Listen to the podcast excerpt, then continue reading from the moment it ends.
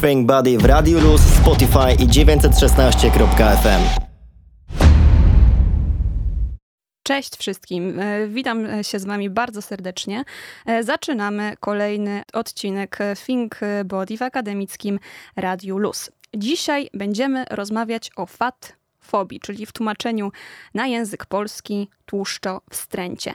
I może się wydawać, e, że temat dzisiejszej audycji został wywołany przez ostatnie słowa wypowiedziane przez ministra edukacji narodowej Przemysława Czarnka. Ale gdybym tak powiedziała, to bym e, skłamała, bo dzisiejszą e, audycję, dzisiejszy temat planowałam już e, dawno, ale dzisiejsze Think Body i Fat Fobia bardzo mocno koresponduje z tematem ostatnio poruszonym przez ministra. Więc czym jest fatfobia? No, w dużym uproszczeniu to społeczna niechęć do grubości, do przybrania na wadze i generalnie grubych ludzi bo to fatfobia sprawiła, że słowo gruby jest dziś traktowane nie jako neutralny przymiotnik opisujący czyjeś ciało, a jako obelga. I to fatfobia sprawiła, że grubi ludzie są przedmiotem głupawych żartów, i to fatfobia sprawiła, że połowa polskiego społeczeństwa, mówię to na podstawie wyników Europejskiego Ankietowego Badania Zdrowia z 2014 roku, może czuć się stygmatyzowana i wykluczana. Moją dzisiejszą gościnią w takim razie, e, z którą będę rozmawiać o fatfobii, jest Urszula Chowaniec. Ula od kilku lat prowadzi ciało pozytywnego bloga Galantalala Plus Size i tworzy treści body positive na swoim Instagramie. Za chwilę się z Ulą połączymy i dokładnie przyjrzymy się temu zjawisku, tak żeby wyszczególnić jego przejawy w życiu codziennym. Więc zaczynamy Think Body, Ola Wiza, Aleks Kartaszow, który tę audycję realizuje i lecimy razem na 91 i 6 FM. To jest Think Body na 91 i 6 FM. Halo, halo, Ula, czy się słyszymy? Tak, jestem, cześć. już się przez chwilę przestraszyłam, że coś się e, zepsuło, ale wszystko jest w porządku. E, więc Ula Chowaniec jest już e, z nami. Cześć Ulu, jeszcze raz. Cześć, dziękuję bardzo za zaproszenie. Strasznie jest mi miło, że mogę ten kawałek e, piątkowego popołudnia z Wami spędzić. No i dzisiaj będziemy dosyć e, intelektualnie, dosyć społecznie, jeśli tak można powiedzieć, spędzać e, to popołudnie, e, bo będziemy rozmawiać e, o fatfobii. Ulu, tak w dużym skrócie, czym według Ciebie fatfobia jest? No fatfobia e, to jest, e, chciałabym nie musieć tego tak nazywać, ale to jest e, taki element składowy powietrza, którym oddychamy w, w, w internecie, w kulturze i wszędzie indziej. No, fatfobia to jest, mówiąc krótko, jest w ogóle jedno z tych słów, które trudno jest przetłumaczyć na polski. To są wszystkie przejawy dotyczące uprzedzeń z powodu bycia grubym, wielkości ciała. To jest pewna, można myślę tak to nazwać, forma dyskryminacji e, e, ciał i ona dotyczy nie tylko wbrew e, jakby słowu fatfobia, ona dotyczy nie tylko grubych osób. Mhm. Właściwie tak naprawdę e, tak jak powiedziałam, ona jest wszędzie i wszyscy jesteśmy nią przesiąknięci. No właśnie, chyba wyprzedziłaś jedno z pytań, które miałam tobie zadać e, jakoś w późniejszej części e, naszej rozmowy, które właśnie dotyczyło mm, tego, kogo właściwie ta fatfobia dotyka najbardziej.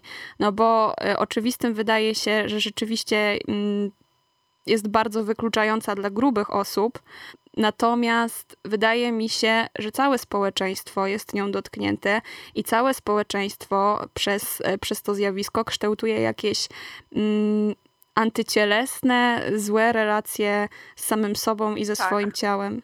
Tak, totalnie tak jest, bo um, ja oczywiście zajmuję się w swojej e, aktywności w e, internecie, zajmuję się przede wszystkim kwestiami dotyczącymi um, osób grubych. Natomiast no, nie da się tego podważyć, że cała kultura diety, kultura popularna i właściwie wszystko, co oglądamy, wszystko jest przesiąknięte fatfobią do tego stopnia, że my sobie nawet często nie zdajemy sprawy. Wiesz co, ostatnio jakiś czas temu próbowałam sobie odświeżyć kilka seriali, e, typu na przykład Przyjaciele, Mhm. popularnych, e, e, wiesz, na początku lat 2000 w Polsce E, i naprawdę mega mnie to uderza. E, Jakby one się tak zestarzały, że już nie jestem w stanie ich oglądać i bardzo mnie uderza to, to są, wiesz, seriale, które w ogóle nie są kompletnie na tematy związane ze kwestiami sprawiedliwości społecznej czy e, dyskryminacji jakiejkolwiek. To po prostu są takie, takie randomowe wtręty na temat tego, że o, przytyję, będę gorsza. Mhm. I to jest po prostu wszędzie.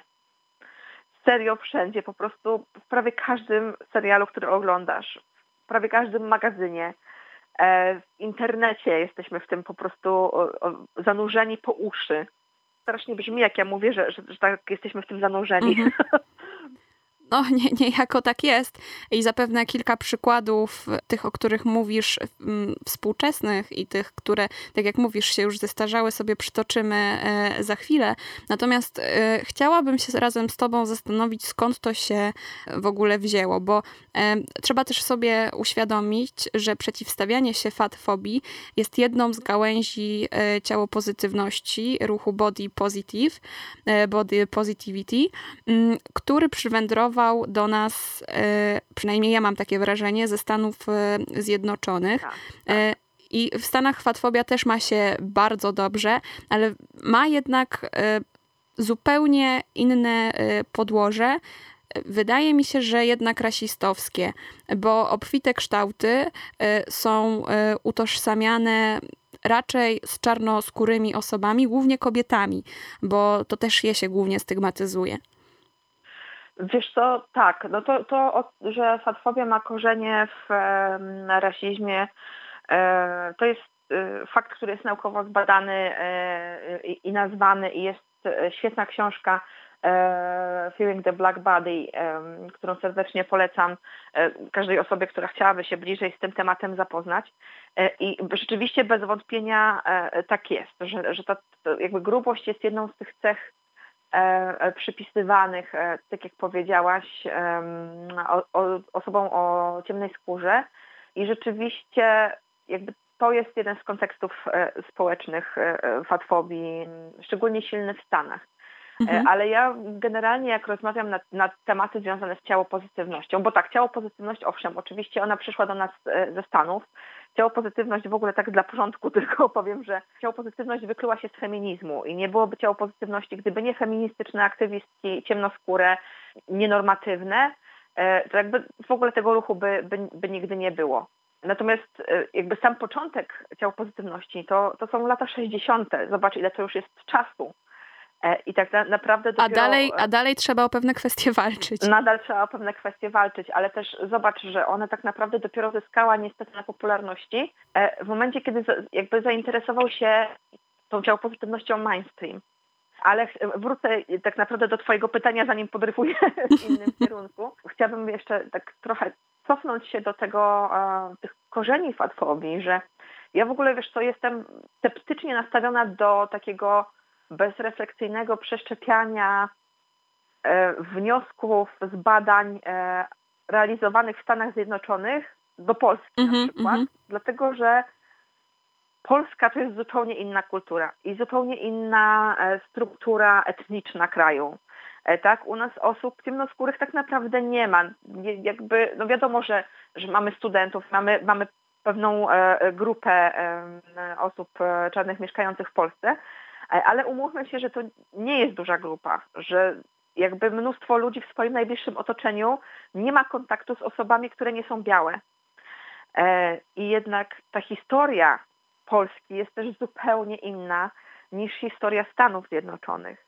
E, I u nas jakby nie ma na ten temat badań, chociaż strasznie żałuję i bardzo chętnie takie badania e, przeczytałabym i, jakby poddała się refleksji na ten temat, ale... e, Rzucasz mi wiesz, wyzwanie. Zapraszam, naprawdę, będę po prostu zachwycona, jeżeli, jeżeli takie badania kiedyś powstaną.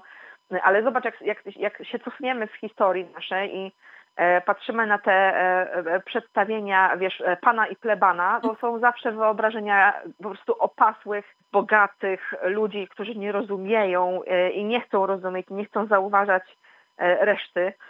I, i to myślę, że to ma duży, duży wpływ na to, jak my postrzegamy grubych ludzi też w Polsce, nie? że my mamy w sobie bardzo dużo niechęci i ona niekoniecznie pochodzi z rasizmu Mhm. w polskim wydaniu, bardziej z takiego poczucia wielowiekowej krzywdy i po prostu niechęci do ludzi, którzy mają więcej, e, którzy Polaczkowatości.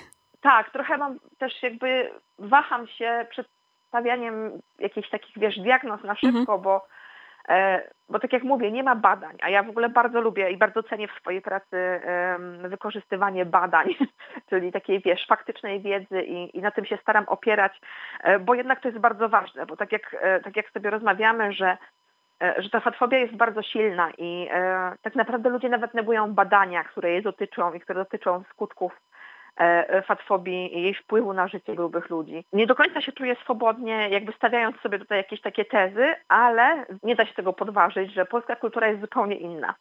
E, I myślę, że u nas nawet wiesz, nawet na tle Europy to już jest trochę inaczej, bo w Europie na tle rasizmu jak najbardziej ta fatfobia też funkcjonowała. Mamy przecież e, straszliwą historię e, Sary Bartman, czyli nazywanej bardzo brzydko hotentocką Wenus, która była ciemnoskórą, grubą kobietą, która była w charakterze dziwowiska obwożona po Europie i po prostu sprzedawano bilety po to, żeby ją obejrzeć. I i to u nas takie rzeczy się działy tu, w Europie.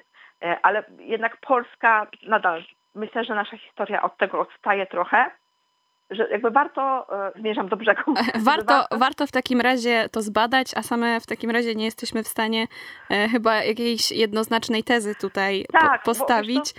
Niemniej jednak fatfobia e, w polskim społeczeństwie jest powszechna jest bardzo silna i świetnie się ma. Naprawdę świetnie się ma, wystarczy odpalić Facebooka.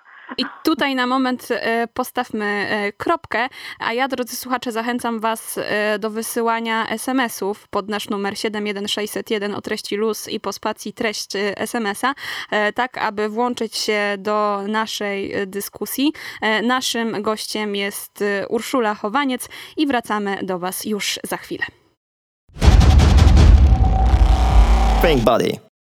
Dzisiaj w Think Body rozmawiamy o fatfobii. E, Moim waszym gościem jest Urszula e, Chowaniec. I teraz chciałabym się pochylić nad językowym opisowaniem grubości w języku polskim.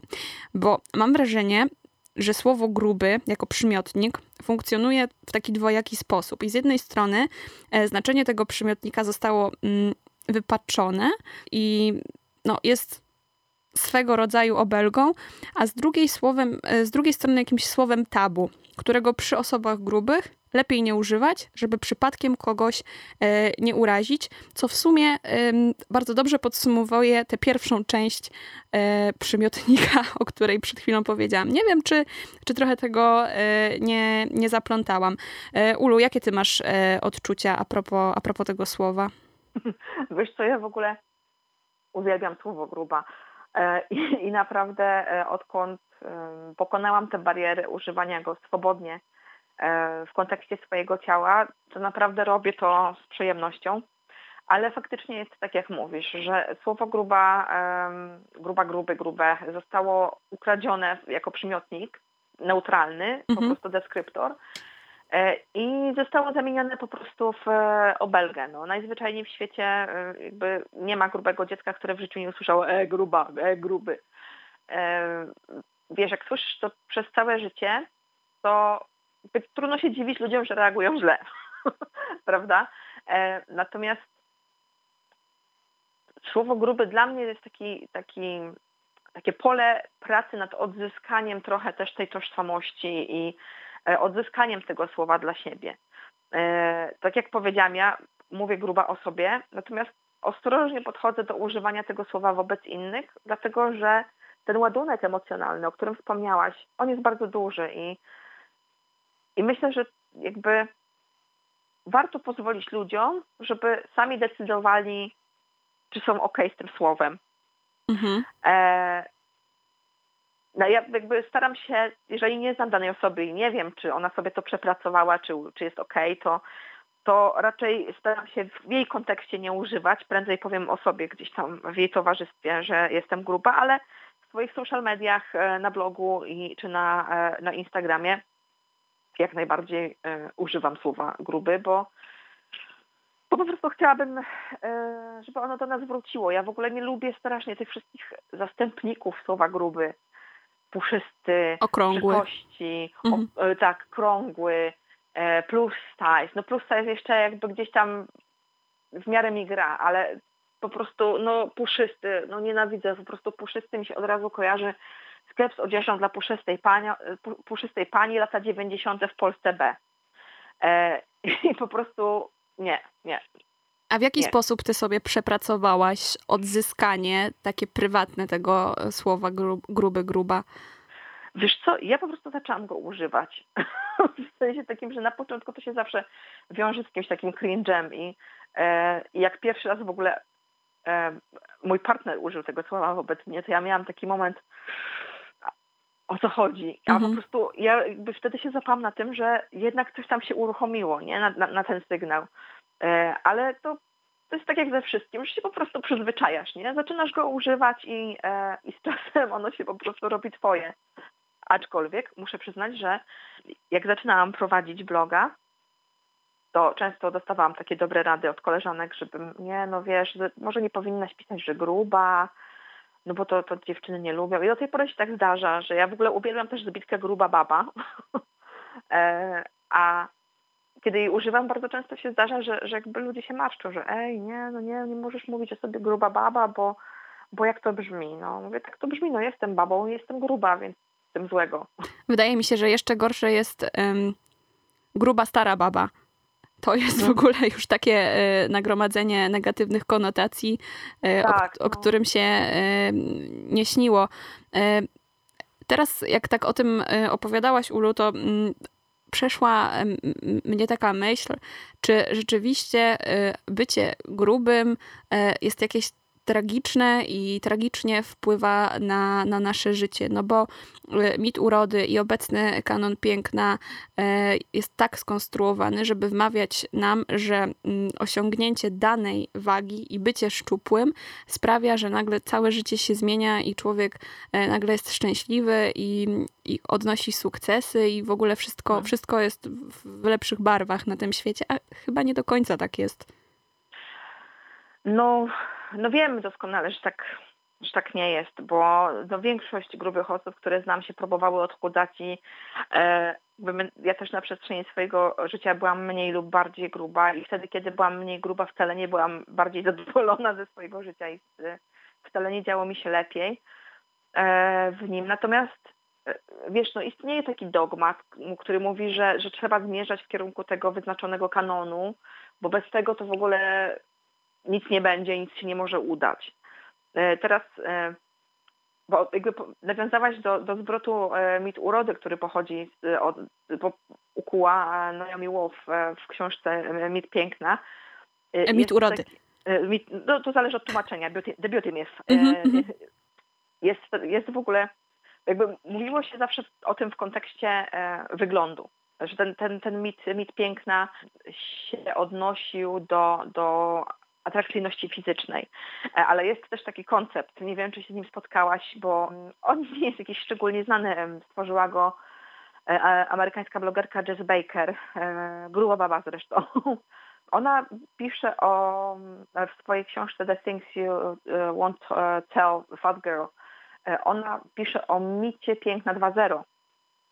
To znaczy? E, jakby to jest takie rozszerzenie mitu piękna, czyli to, że my już teraz w XXI wieku jakby rzadziej mówimy kobietom, że ty musisz być szczupła, żebyś była piękna. My mówimy, musisz być szczupła, żebyś była zdrowa. E, czyli ten, ten mit urody został trochę jakby pociągnięty dalej e, i oprócz obligacji związanych, e, czy tam swoich obowiązków, obowiązku bycia piękną, obowiązku bycia szczupłą, masz, mamy jeszcze teraz obowiązek bycia e, zdrową osobą. I tutaj na razie ten wątek e, zostawiam w zawieszeniu, bo wrócimy do niego za chwilę. Słuchacie Think Body na antenie Radia Luz. Think e, Body, dzisiaj e, fatfobia na tapecie w, w naszym programie. Moim waszym gościem jest Urszula Chowaniec i przed chwilą zaczęłyśmy wchodzić na te około zdrowotne e, tory, e, które odnoszą się do otyłości i nadwagi ludzi grubych. I w artykule Biura Analiz Sejmowych z 2017 roku, napisanym przez doktora Wojciecha Stefana z Gilczyńskiego, możemy przeczytać yy, tak. Otyłość jest traktowana jako odrębna jednostka chorobowa. Stanowi też trzeci po nadciśnieniu tętniczym i paleniu tytoniu czynnik ryzyka innych chorób. Szacuje się, że otyłość może odpowiadać za od 5 do ponad 20% zgonów w ciągu roku w Stanach Zjednoczonych oraz od 10 do 13% w Europie. No i przytoczony fragment artykułu jest takim charakterystycznym sposobem narracji, który komunikuje, że gruby równa się niezdrowy. A wydaje mi się, że pewne kwestie przy tej narracji zawsze zostają pomijane i to też nie do końca tak jest. Tak, no właśnie jakby trzeba sobie uświadomić, e, znaczy w ogóle zacznę od tego, e, od bardzo, bardzo, jednej bardzo ważnej sprawy. E, gruby to nie jest synonim otyły. E, jakby ja wiem, że my mamy taki nawyk używania wymiennie e, grubego i otyłego, natomiast no, otyły odnosi się do jednostki chorobowej, którą otyłość de facto jest.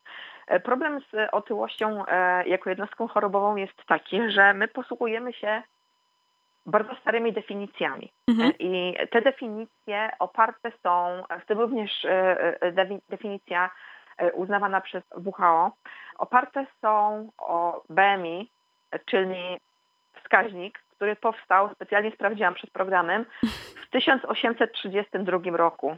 To dość dawno. Dość dawno, prawda? E, tu pora na werble. Mamy XXI wiek, świat się drastycznie zmienił, a my nadal używamy do opisywania ludzkiego ciała i ludzkiego zdrowia, co gorsze, wskaźników, które powstawały w zupełnie innych realiach. Jakby największym problemem z, e, z BMI jest to, że to jest stary wskaźnik, a po drugie, że to jest wskaźnik, który nie był nigdy, on nie powstał po to, żeby opisywać indywidualnych pacjentów, indywidualne przypadki. On powstał do e, monitorowania e, relacji między wagą a śmiertelnością w całych populacjach. On nie uwzględnia takich parametrów jak skład ciała, czyli stosunek masy mięśniowej do tłuszczowej. E, okazuje się, że bardzo wielu sportowców jest według wskaźnika BMI otyłych. O proszę. E, mhm. No tak, no bo wiesz, im wyższa, e, jakby mięśnie są cięższe niż tłuszcz mhm. i im więcej tej masy mięśniowej jest na człowieku, no to jakby ten współczynnik wagi do wzrostu się robi coraz bardziej w tych rejonach określanych przez twórców wskaźnika jako otyłość. Ciekawostka jest taka, że jeśli dobrze pamiętam, to w 2012 roku amerykańskie Stowarzyszenie Endokrynologiczne mm, jako pierwsze wypuściło rekomendację redefinicji e, tej jednostki chorobowej, jaką jest otyłość. E, oderwanie jej częściowe, no niestety nie częściowe, nie całościowe od, e, od BMI właśnie. I w tej nowej proponowanej przez nich definicji oprócz tego stosunku masy ciała do wzrostu uwzględniane są też choroby współwystępujące. Jest to cała długa lista i na niej się znajdują choroby od nadczynności, nadczynności tarczycy, nadciśnienia po depresję nawet. Więc jakby ta paleta jest bardzo szeroka, ale to jest super moim zdaniem. Ona, ta, ta definicja nie jest nadal doskonała, ale co jest w niej super, to jest to, że ona jakby uznaje istnienie osób, które są duże, grube, mhm. ale są zdrowe metabolicznie. Czyli jakby e, nie spełniają tych warunków związanych z e, istnieniem chorób współwystępujących, tylko po prostu mają wysokie BMI.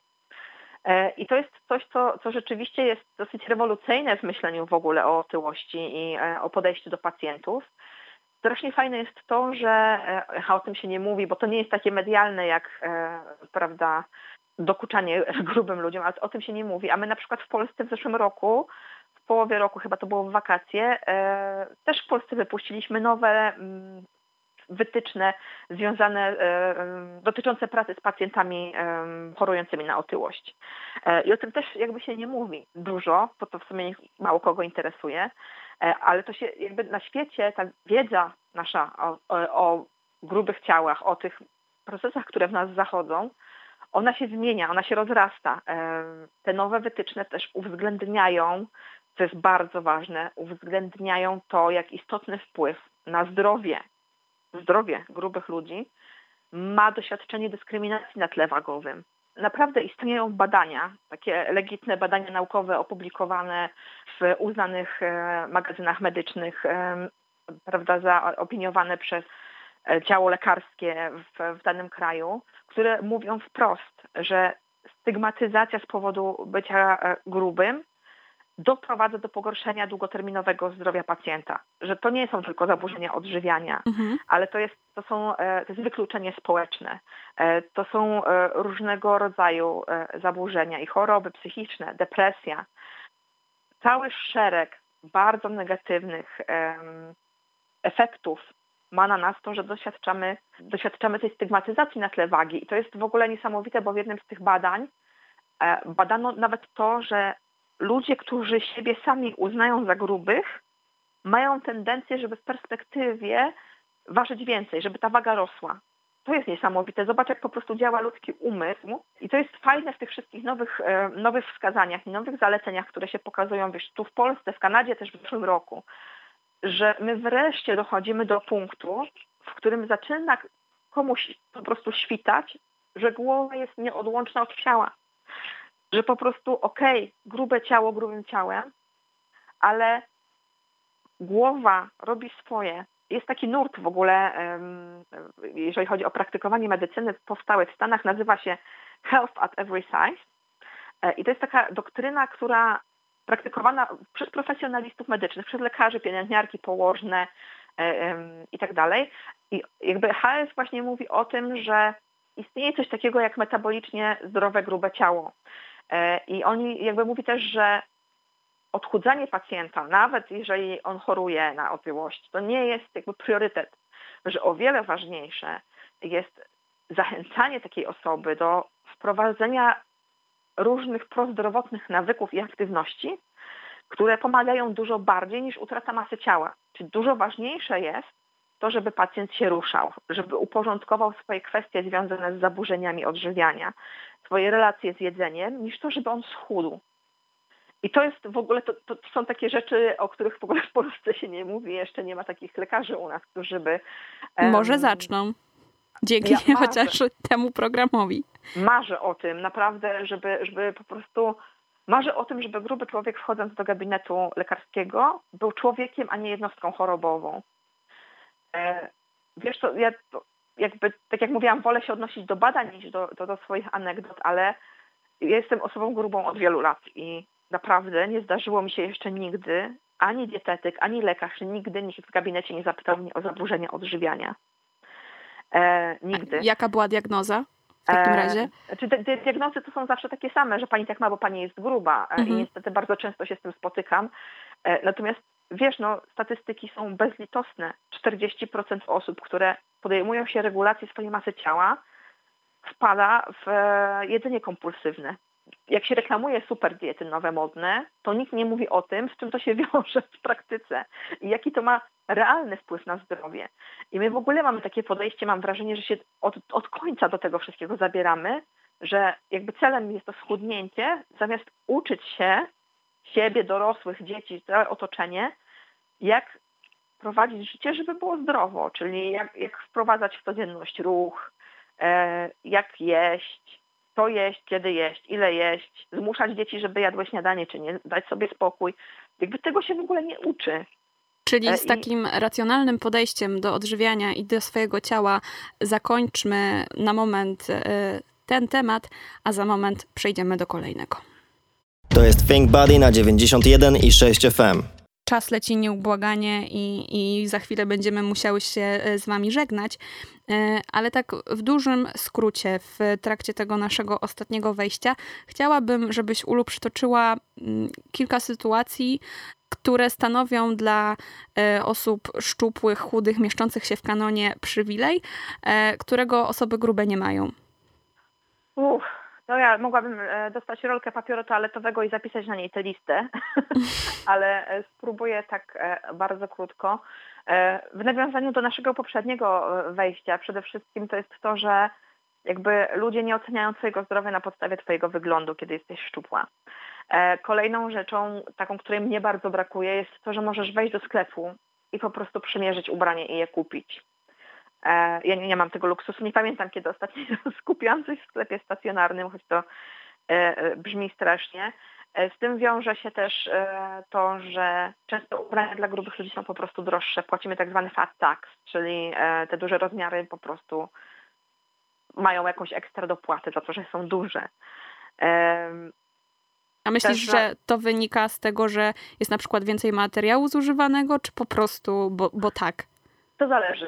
Myślę, że to zależy od firmy. Jest to dla mnie zrozumiałe w momencie, kiedy firma szyje tylko duże rozmiary i wtedy rzeczywiście ma bardzo duże spady materiału, co zostaje po wykrojeniu. Ale jeżeli firma szyje różne rozmiary, to można tym e, materiałem tak dysponować e, i tak nim sobie zarządzić, że e, wykorzystuje się go lepiej. Em, Ale to myślę, że w ogóle jest bardzo długi wątek na, na zupełnie osobną rozmowę, to co, to co się dzieje w kontekście ubrań i, i dużych, e, dużych ludzi.